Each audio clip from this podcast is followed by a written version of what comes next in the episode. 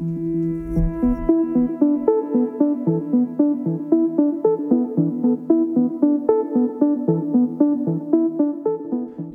WHO er klimakrisen det 21. århundredes største sundhedstrussel. Vi står over for en tid med hedebølger, luftforurening, smitsomme sygdomme og klimaflygtninge. Temaet er velkendt, og nu åbner vi månedskriftet for en debat med, hvad vi i almindelig praksis kan gøre for at nedsætte CO2-aftrykket. Det er en debat, som helt sikkert vil dele vandene. For hvor meget kan, skal og bør vi gøre, og hvad nytter det egentlig? Mit navn er Christian Føtz. Jeg er praktiserende læge og redaktør på månedskriftet. Og jeg sidder her med to almindelige der gør en indsats for at gøre dansk almen praksis mere bæredygtig. Velkommen til jer. Tak for Tak det. for det.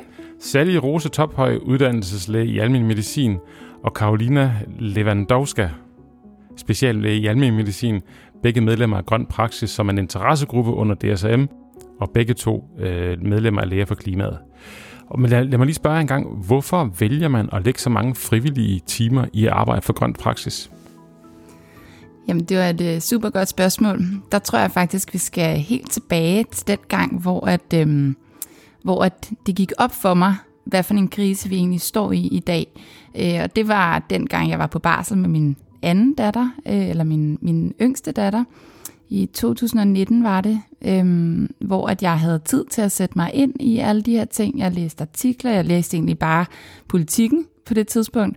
Øhm, og der var det jo klimavalg, og der var rigtig meget fokus på klima. Øhm, og jeg blev faktisk øh, seriøst bekymret for mine børns fremtid, og, og sådan, hvis man skal kalde det menneskehedens fremtid. Øhm, så det var ligesom det, der startede, og der det gik op for mig, okay, vi bliver simpelthen nødt til at leve vores liv anderledes, og der synes jeg, at jeg som læge øhm, på en eller anden måde havde et ansvar, øh, nu hvor at jeg begyndte at se sammenhæng mellem klimaforandringer og sundheden. Øhm, der synes jeg, at, at, at man som læge måske skulle gå ind i det arbejde, fordi vi jo netop arbejder med sundhed og, og sygdomme. Og Karolina, hvad håber I at opnå i jeres arbejde? Altså, vi håber jo, at øh, de praktiserende læger får øjnene op for, at øh, klimakrisen også er en sundhedskrise. Og at de kan være med til at understøtte klimakampen på samme måde, som de måske allerede gør derhjemme, men egentlig også som professionelle i deres, på deres arbejdsplads. Men hvad med jer? Er I, øh, er I selv sådan nogle øh, heldige nogen, der, der, der aldrig kører bil og, og, og cykler på arbejde og, øh, og spiser klimavenlig kost? Eller hvad, Ja, selvfølgelig. Nej.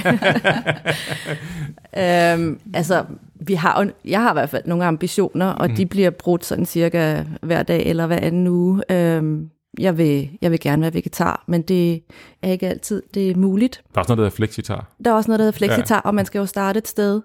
Øhm, men, men det er sådan en øh, op- og nedtur, og det er det jo rigtig tit. Nej, altså vi er, vi er ikke perfekte. Det som vi prøver, det er at, øh, at få samlet noget viden, fordi det er det, vi ved, der mangler. Det er også det, de praktiserende læger efterspørger. Øh, så vi vil ligesom gerne få udbredt, hvad er det, vi kan gøre, og, øh, og lad os gøre det sammen. Og hvad ser I egentlig ske i almen praksis i de her år i forhold til den grønne, grønne omstilling? Der er mere fokus, altså vi, vi skaber fokus på det, øhm, og bare det, at folk begynder at tænke i de her baner, det tror vi faktisk gør en, en, en stor forskel. Vi er jo rigtig mange øhm, lægehuse rundt omkring i Danmark, så man kan sige, vi synes, at små skridt tæller, og det er jo fordi, at hvis vi alle gør det, så gør det en forskel. Jeg tænkte også lidt på, altså, øh, der er jo noget, der rykker sig. Øh, vi sidder jo her i dag i det her studie, og du, Christian, jeg tænker også, du må også have gjort dig nogle tanker og tænkt, hvorfor, hvorfor skal vi lige snakke klima i din podcast? Det har jeg også, øh, og øh, jeg tror, jeg taler meget ind i min egen dagligdag med det her, fordi jeg synes, det er svært. Jeg synes, når jeg går på arbejde øh, og trækker lejet papir ned og tænker, at det her, det burde jeg jo egentlig ikke gøre. Øh, hvis nu jeg, jeg sprittede af, eller lod helt være med at trække lejepapiret ned, så, øh, så gør den godt for klimaet. Men så kører dialogen ind i mit hoved, men, hvor, men hvad gør det egentlig for klimaet? Altså, hvad er, den, hvad er det reelle øh, effekt, jeg har på klimaet, når jeg så efter, mi, efter når jeg gennem for arbejde tager min bil og henter mine børn, øh, hvor jeg jo i princippet kunne have cyklet. Øh, og så kører der sådan en dialog, så, så jeg er egentlig interesseret i, at vi, at vi skal prøve at tale ud, øh, ud fra, at vi er uperfekte mennesker, og hvad kan vi, hvad kan vi egentlig gøre? Det tror jeg, du har ret i. Også fordi jo, jo flere ting man ligesom bliver opmærksom på, og måske begynder at arbejde med, jo, jo større bliver ens øh, erkendelse, og jo større bliver ens dilemma jo faktisk, øh, fordi der åbner sig så mange nye døre. Ikke? Så jeg tror aldrig nogensinde, man vil tænke, nu gør jeg det perfekt. Men man skal starte et sted. Vi starter med at definere os selv som uperfekte mennesker. Det er et godt sted at starte. Vi har fulgt jer i månedskriftet, og jeg har personligt været til to workshops, som I har afholdt. Og jeg oplever, at mange praktiserende de kommer til os workshops, og så forventer de, nu skal vi have en meget, meget konkret og effektiv anvisning til, hvordan vi kan reducere CO2 i vores praksis. Og det skal gerne være en, en anvisning, som er effektiv, og som vi kan gå hjem og implementere øh, mandag morgen i vores praksis. Er det også jeres indtryk? Ja, jeg tror, det er vores indtryk, at det er det, de, de praktiserende læger forventer og håber mm. øh, først og fremmest. Ikke? Fordi de vil jo gerne, oftest gerne, have noget med hjem. Øh, og vi vil jo helst ikke efterlade dem med, med mere fortvivlelse end, end, end håb. Øhm, men det var jo også det dilemma, vi stod i, Sally og jeg, da vi øh, sammen fandt ud af, at vi ville prøve at arbejde mere klimabevidst i praksis. Så kom det spørgsmål, sådan, hvordan gør vi det? Og, og hvor skal vi starte? Hvad er mest effektivt i forhold til det, de ressourcer, det kræver? Og fandt ud af, jamen, der er ikke noget viden. Hvordan skal vi finde ud af det? Hvor skal vi overhovedet starte henne? Ikke? Så, så jeg kan godt forstå, at det er, det er frustrerende at stå i den situation.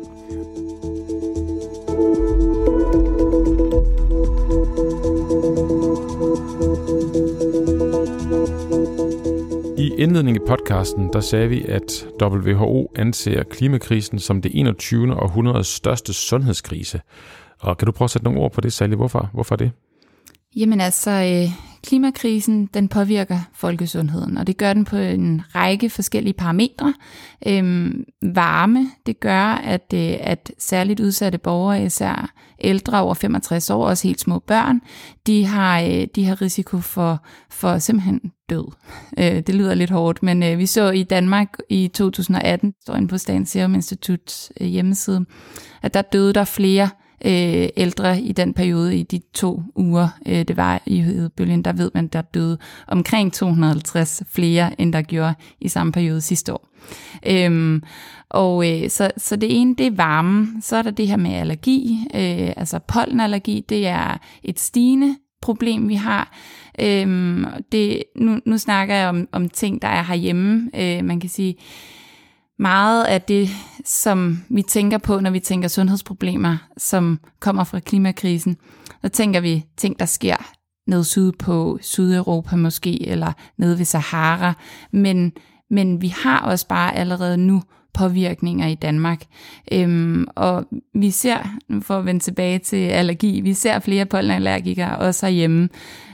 En øget varme eller temperatur, det, øhm, det udvider sæsonen for planterne og et øget CO2-niveau i, øh, i luften. Det gør også, at der kommer mere pollen øh, fra planterne, og så selve varmen gør derudover også, at der kommer øh, flere, flere meget allergifremkaldende planter til, øh, til Norden, til Danmark.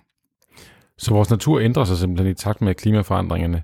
Der er også det med en ting, du også taler om, det er det her med vektorborne infektioner. Ja, lige præcis. Så vektorborne infektioner, der ser vi borrelia for eksempel fra flåten. Flåten den er aktiv fra en temperatur på 5 grader, så jo varmere det bliver, jo, jo større periode eller længere periode i året, øh, har vi også risiko for de her flåtsygdomme. Så borrelia og TBE, det er det, vi kender i Danmark. TBE er også ved at blomstre op, desværre øhm, så er der risiko for, for sådan noget som øh, hvad hedder det, andre infektioner, altså med forurenet mad og vand, øh, og det gælder både drikkevand og, og badevand sådan set også, at jo, jo mere fugt i luften og jo mere varme vi har, jamen altså, så får vi også de her mikroorganismer til at blomstre op.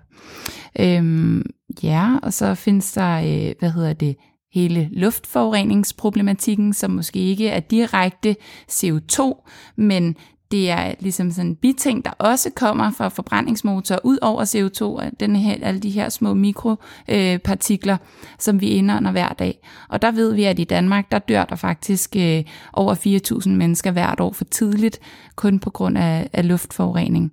Øh, det er jo et kæmpe tal. Og det, det er jo meget håndfaste ting, du beskriver her.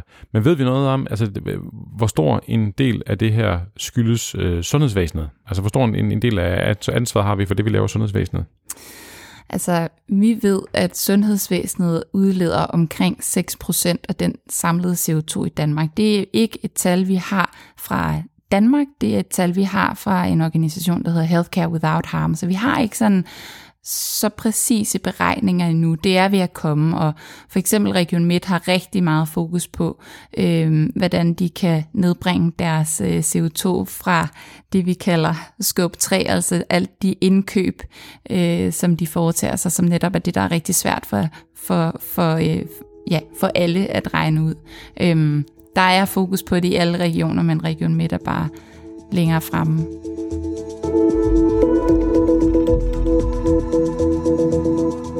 Nu skal vi tale om, hvad man så kan gøre i, øh, i sit arbejde i almen praksis for at dæmpe CO2-aftrykket. Og vi har valgt at gøre det sådan, at vi deler op i tre dele. I første del, der ser vi på, hvad kan man gøre i konsultation med patienten. I den anden del, der ser vi på, hvad kan man gøre som klinik. Og det tredje del, der ser vi på, hvad kan man gøre på et mere organisatorisk lidt højere niveau. Og øh, det første, jeg synes, vi skal kigge på, det er det, er det med, der foregår inde i øh, lægekonsultationen. Lad os starte med at tale om kost. Fordi hvis man googler grøn praksis, så finder man et link ind til grøn praksis øh, hjemmeside, og der har I nogle ark med nogle grønne tips, som vi taler ud fra. Og her står der, at fødevareproduktionen er ansvarlig for 25% af den samlede CO2-udvikling worldwide. Øh, og det er jo store tal, og det, der specielt bonger ud her, det er jo oksekød. Og hvorfor bonger oksekød ud? Jamen altså, øh, oksekød, det, det er noget af det, der udleder allermest øh, CO2, når vi snakker kost. Og det gør det blandt andet fordi, at køer, de skal bruge rigtig meget areal, øh, de skal bruge rigtig meget vand, og så, øh, det har selvfølgelig ikke noget med CO2 at gøre, men det, som de udleder, det er metan. Øh, og det er en rigtig klimapotent gas, øh, det ved vi. Så, øh, så hvis man skal gøre noget godt for klimaet i forhold til kosten, så skal man skære oksekødet. Mm. Og et af problemerne er også her, at det er selve produktionen af den mad, som dyrene skal have, der faktisk øh, fylder meget. For en ting er, hvad, hvad, hvad dyrene fylder af areal, men det andet er al den mad, de skal have. Og jeg tror, det er noget med, at en ko vil spiser, var det 40 eller 80 kilo foder per dag, så det er jo ret mange, nu er det så sojabønder, øh, areal, der skal, der skal ryddes for, at vi kan producere de her sojabønder. Bare i Danmark, der er den landbrugsjord, vi har, der går 80% af den til produktion af dyrefoder, mens kun 11% går til menneskefoder direkte, såsom korn øh, eller grøntsager og frugter. Men lad os prøve at kigge på det her, for nu er vi så inde i det hellige øh, rum mellem læge og patienten, eller patienten og en anden behandler. Øh, hvis man kunne få patienten til så at spise mindre rødt kød, så ville det jo være godt for miljøet, og muligvis også for patienten. Men hvad er jeres tanker om det her, når vi taler med patienten omkring kost? Der har vi som praktiserende læger jo øh, det her redskab fra Fødevareministeriets hjemmeside, som er de officielle kostråd, som vi har lov til at bruge. De er udkommet for halvandet år siden cirka, og det er noget helt nyt, at der i Danmark også er fokus på klimaet, når vi snakker kostråd. Øh, så der har vi sådan en, man kan sige, en gratis ting, vi kan hive frem foran patienterne og sige, jamen altså, det står her, man behøver faktisk ikke engang at gøre andet end at sige det, det samme, som øh, Fødevarestyrelsen siger. Og det er jo også, jeg, jeg vil sige, jeg er ikke sikker på, at jeg nødvendigvis har ændret min måde at snakke om, om kost på med patienterne, bare fordi jeg nu også tænker det i et klimaperspektiv. Det har trods alt været noget, som vi har kunne tage fat på, når vi har snakket om hjertekarsygdomme osv. Øh, nu er der måske bare et incitament mere for at, at øh, fokusere på det her emne. Men, men det skal jo siges, at vi ved, der er rigtig meget, øh, rigtig mange forskellige holdninger til, hvordan vi skal tale med vores patienter på omkring kost blandt andet. Øh, fordi at vi skal jo ikke lægge flere bekymringer eller flere krav ned på den enkelte patient, når vi sidder med dem, når de i forvejen kommer og øh, har nogle sygdomme, som vi skal snakke med dem om, og de skal have medicin, så skal vi ikke også sige til dem, at de nu også skal leve mere klimavenligt. Så vi synes egentlig ikke, at man nødvendigvis behøver at udtrykke det i et klimaperspektiv over for patienten, man egentlig bare skal have det med i baghovedet. Ja, man må jo, som vi plejer at gøre, individualisere det, for det er klart, at, at uh, man skal ikke sidde og udskamme patienterne for ikke at spise klimarigtig kost, men, hvis, men hvis klimadagsort måske har moment hos patienten, tænker jeg, det kan jo godt være, at det er noget, der fylder, man ved fylder, så kan man måske tale det ind her. Så der må man jo lave et individuelt skøn. Ja, lige præcis. Øhm, og jeg fik slet ikke sagt, men altså i, i de officielle kostråd står der selvfølgelig, at man skal skære ned på, på, øh, på rødt kød og, og kød generelt, og spise flere bælfrugter i stedet for flere grøntsager osv. Øhm, et, øh, et eksempel fra klinikken, der, øh, der nævnte jeg netop sådan noget med øh, klimaaftryk over for en patient, som, tog, som blev behandlet med en sprayinhalator, øh, og jeg nævnte det direkte, at det har et klimaaftryk, der er 50-100 gange større end en pulver. Øhm, og det blev han super overrasket over, og vil meget gerne over på pulverinhalatoren, og nævnte også, at det vil hans kone så også blive rigtig glad for, for hun er meget klimabevidst derhjemme. og det er jo dejligt at ramme det, men nu går vi over i, i det andet her, for eksempel det med medicin, og der, der er øh, et øh, eksempel, det, det er jo inhalatoren, det er jo et ret lavt øh, hængende frugt i nogle konklusioner, at, at, at, at, kunne, at kunne omstille den. Hvad ved vi mere omkring medicin?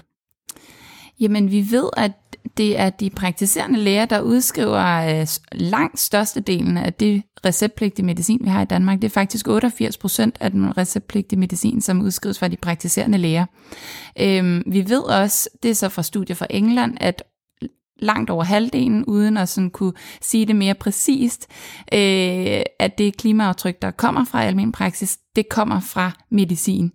Øhm, der mangler vi nogle, nogle måske lidt mere præcise beregninger, men det vi kan sige er, at, øh, at hvis vi kan skære ned på medicinen, så kan vi, øh, så kan vi skære rigtig meget ned på CO2-udlænding også, øh, for ikke at snakke om miljø selvfølgelig også.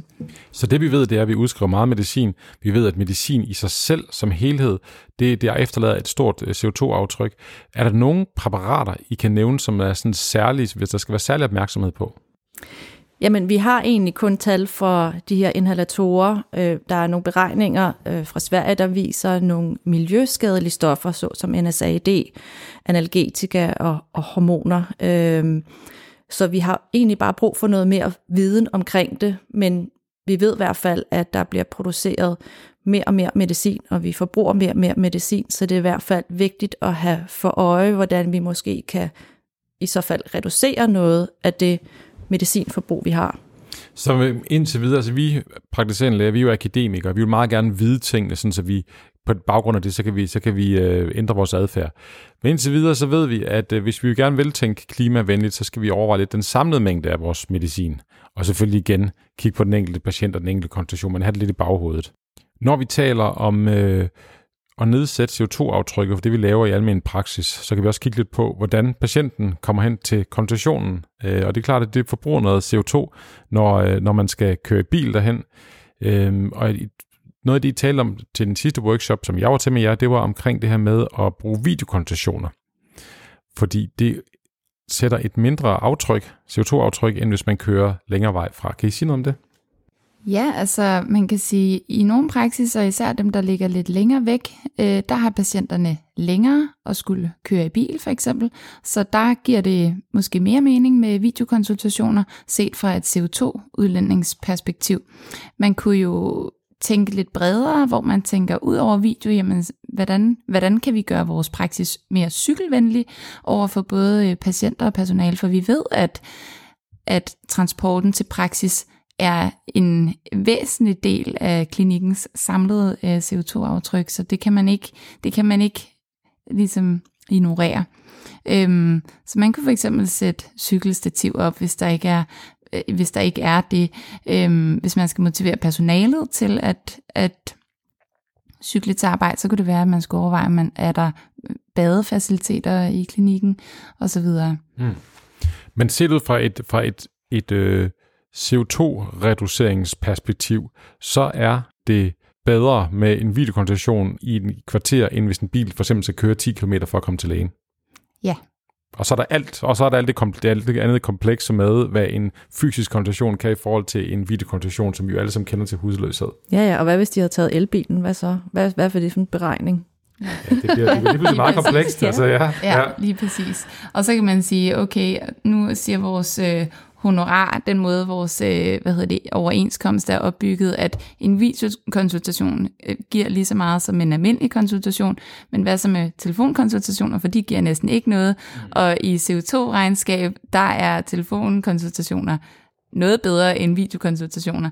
Så hvor langt skal man gå? Øh, og, øh, og, og man kan sige, ja, vil man, tage, vil man så tage den telefonkonsultation og tjene mindre end, end en videokonsultation, men man får selvfølgelig også nogle flere oplysninger på video, så lige pludselig bliver det meget komplekst. Jo, det bliver også komplekst. Jeg sidder i en praksis, hvor vi har en del ældre patienter, som ikke nødvendigvis har nogle IT-færdigheder, der gør, at de kan, de kan gå på videokonsultation, men egentlig er dem, der måske mest har behovet for det øh, fordi det er dem, der har svært ved at cykle øh, i klinikken, eller det er jo dem, vi skal se mest, og tit er det jo ikke, det er jo ikke altid, vi skal undersøge dem, men vi skal egentlig bare lige se dem og snakke med dem, ikke?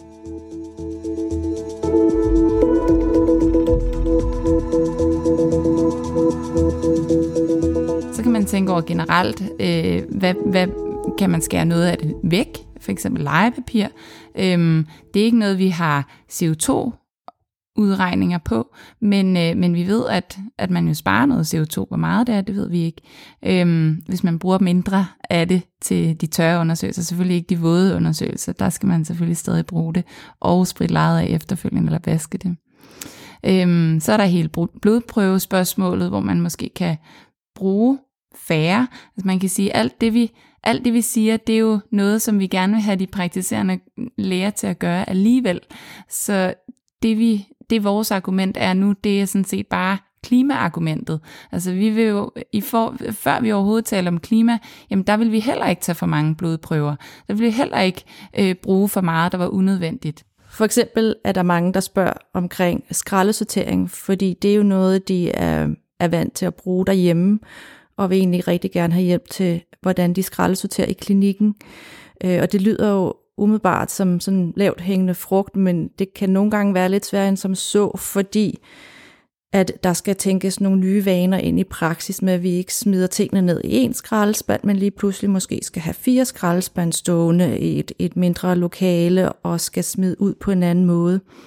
Desuden ved vi, at der er nogle af materialerne, vi skal smide ud, hvor vi er usikre på, hvad for en skraldespand de egentlig hører til, og nogle af dem kan ikke skilles ad og skal egentlig i restaffald igen. Øh, og hvis nogle af dem er blevet forurenet, hvis et legepapir er blevet forurenet på en eller anden måde, hvor havner det så henne? Så der er jo rigtig mange hygiejniske og praktiske spørgsmål i det. Og desuden så er der selve afhentningen af, af skraldet, er jo noget, der ikke er blevet lovpligtigt endnu for, øh, for firmaer. Så der skal man selv aktivt kontakte sin øh, renovationscentral, øh, eller hvad det er, og bede dem om at hente det i de forskellige øh, sorteringer. Og det er, tror jeg, er krævende for de fleste praktiserende læger at skulle forholde sig til det, og det er jo en mere omkostning, og igen nogle nye vaner, der skal løses om osv. Så, videre. så nogle af de her tiltag er jo nogle gode tiltag, men der mangler stadigvæk en del for, at det bliver relativt nemt. Og vi ved for eksempel, at jeg tror det er inden for et år eller to, er der heldigvis nogle krav om, at privat, øh, private firmaer egentlig skal skralde sortere. Så nogle af de her mere strukturelle politiske tiltag hjælper os på den vej. Hvad med sådan noget lavpraktisk med, og øh, det er jo meget op i tiden nu, at bruge mindre strøm, skrue ned for varmen? Ja, det øh, er der i hvert fald penge at spare i det kan jo være en rigtig god idé at, at få sin almindelige sparepære om til LED-lys for eksempel, og have nogle strømafbryder på, når man ikke bruger computeren, eller egentlig bare går fra klinikken generelt. Øh, om der skal være 19 grader, det tror jeg, det er svært at sige noget om. Det har jeg i hvert fald ikke lyst til at, at sige, at de praktiserende læger skal, fordi vi sidder jo trods alt i nogle lokaler, hvor patienterne skal klæde sig af og så videre.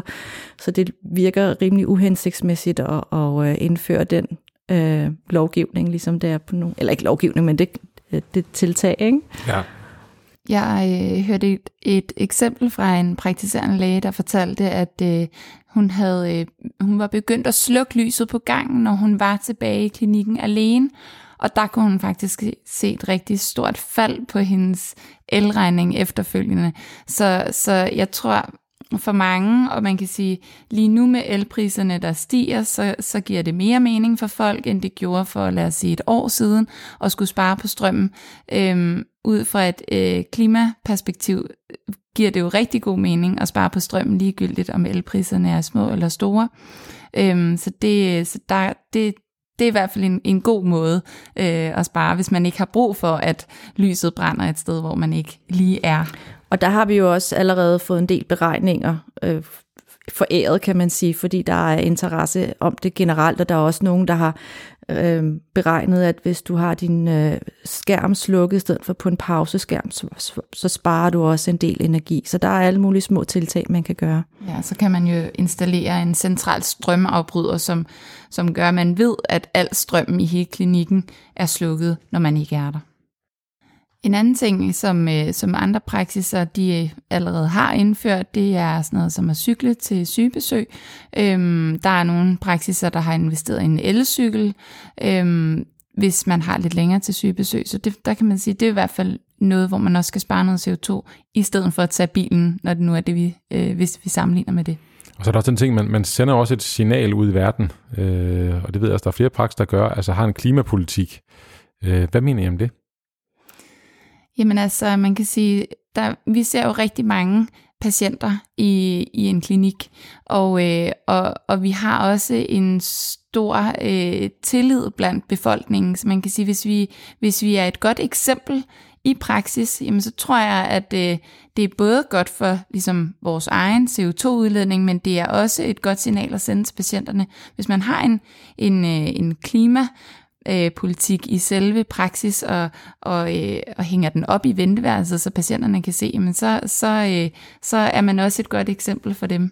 Og det var faktisk det, vi ville tale som den sidste, det her med at, at kunne, kunne, øh, kunne påvirke tingene på lidt højere niveau. Altså en ting er, man gør i, som, som, øh, som klinikejer og som læge over for sin patient, men det med at kunne på højere niveau.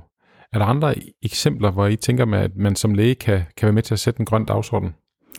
Der er rigtig mange måder, øh, man kan gøre det på. Øhm, lige nu er det jo primært på klinikplan, men vi kan jo også, som Sally måske kan komme ind på, arbejde lidt på lægeforeningsniveau, øh, hvor vi har været med til at i hvert fald øh, som læger for klimaet få en øh, politik inden for øh, klima. Øhm, derudover kan man jo skrive læserbreve, og man kan egentlig holde klyngemøder omkring, hvordan man arbejder i klinikken mere klimabevidst. Jeg ved, der er i hvert fald blevet efterspurgt at have sådan nogle et forum, hvor man kan udveksle erfaringer, og vi havde også en idé om, at vi på et tidspunkt skulle have sådan et forum, hvor man ligesom øh, folk kunne mødes øh, virtuelt og, og udveksle erfaringer.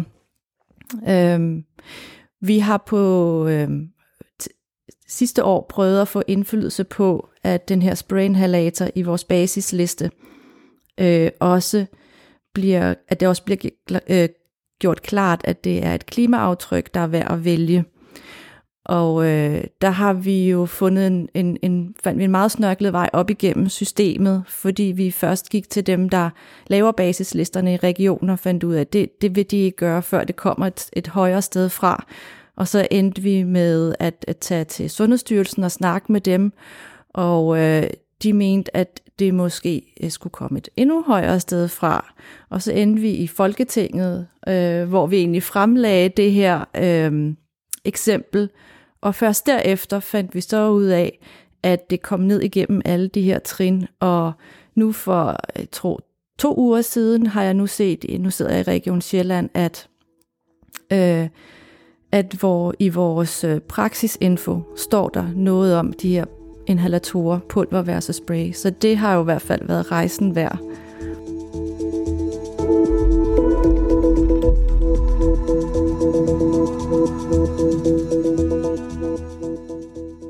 Jeg også tænke at have de sidste stykke tid, at vi lige, lige snakker om det her med, hvordan Altså, hvordan navigerer vi som læger i, i, i den her problemstilling? Øh, også uden at begynde at, at shame os selv, fordi vi ikke har gjort nok. Hvad, hvad, hvad gør vi? Altså, jeg tror måske, det man kan starte med, det er egentlig bare at være åben over for at se den måde, vi agerer på i sundhedsvæsenet. Altså tit ser vi os selv som sådan en, en lille isoleret brik som praktiserende læge i et større sundhedssystem. Men vores hverdag er meget i klinikken og sammen med den enkelte patient. Og jeg tror, det der har ligesom givet mig en, en øjenåbner, det er, at vi skal altså, altså se ud over det, jeg går og laver i min hverdag lige inde i min klinik. Altså også se, hvad konsekvenserne af, af de handlinger, jeg gør, når, de, når jeg henviser, når jeg tager prøver, øh, når jeg så sender patienten videre, men egentlig også kalder patienten ind, øh, og hvordan jeg kommunikerer med min samarbejdspartner, øh, den medicin, jeg udskriver, hvor den kommer fra, hvor havner den henne, er den nødvendig, er den ikke nødvendig, er der andre tiltag. Så jeg tror egentlig bare, det er lidt at åbne sin, sin horisont lidt og tænke lidt, lidt bredere, øh, måske med lidt flere farver end, mm. end sort og hvid, hvis man kan give det billede. Rigtig god pointe, ja. ja. Ja, man kan sige, at dårlig samvittighed hjælper i hvert fald ikke noget. Øhm, og, og, og nej, der, der er selvfølgelig mange ting, vi ikke ved, men vi har også brug for i nogle situationer at skulle stå sammen. For eksempel, vi kunne efterspørge grønnere produkter hos vores indkøbsfirmaer. Hvis der er flere lægehus, der begynder at efterspørge det her, jamen så begynder det også at blive en ting, som de gerne vil fokusere på, de her indkøbsfirmaer. Hvis vi, hvis vi ligesom sammen udtrykker vores frustration over, hvorfor ved vi ikke, hvad for et klimaaftryk det her medicin, vi udskriver hver dag, har, jamen så kan det være, at vi kan påvirke medicinalindustrien på den ene eller anden måde, eller i hvert fald politikerne måske, øh, til at kunne efterspørge en eller anden form for, øh, for europæisk lovgivning, for det skal jo helt op på EU-plan, øh, lige når vi snakker gennemsigtighed omkring CO2-aftryk ved medicinen. Så, så der er mange ting, vi, vi ikke kan som enkeltpersoner, men, men som vi jo gerne, det er jo en af de ting, vi gerne vil, vi gerne skabe mere fokus på det, så, så vi kan øh, sammen ligesom efterspørge nogle af de her ting, som vi mangler. Ja, og at klima måske også er noget, man, man øh, tænker over i sin hverdag, når der skal implementeres ting. Nu tænker jeg også ud på sundheds, i, i sundhedsvæsenet, i stedet for, ikke i stedet for, men en arbejdsmiljørepræsentant kunne også bestå af en, en, en der tænkte klima ind i de forskellige tiltag, der nu øh, skulle ske. Og, og hvis man ligesom har klimabilledet med, både i vores faglige selskab, med i lægeforeningen og de forskellige andre øh, speciale organisationer eller selskaber, og, og havde et, et klimaperspektiv, når vi skulle i gang sætte nogle ting, så ville det også gøre det nemmere for klinikerne, der sad i deres hverdag og skulle arbejde med det her.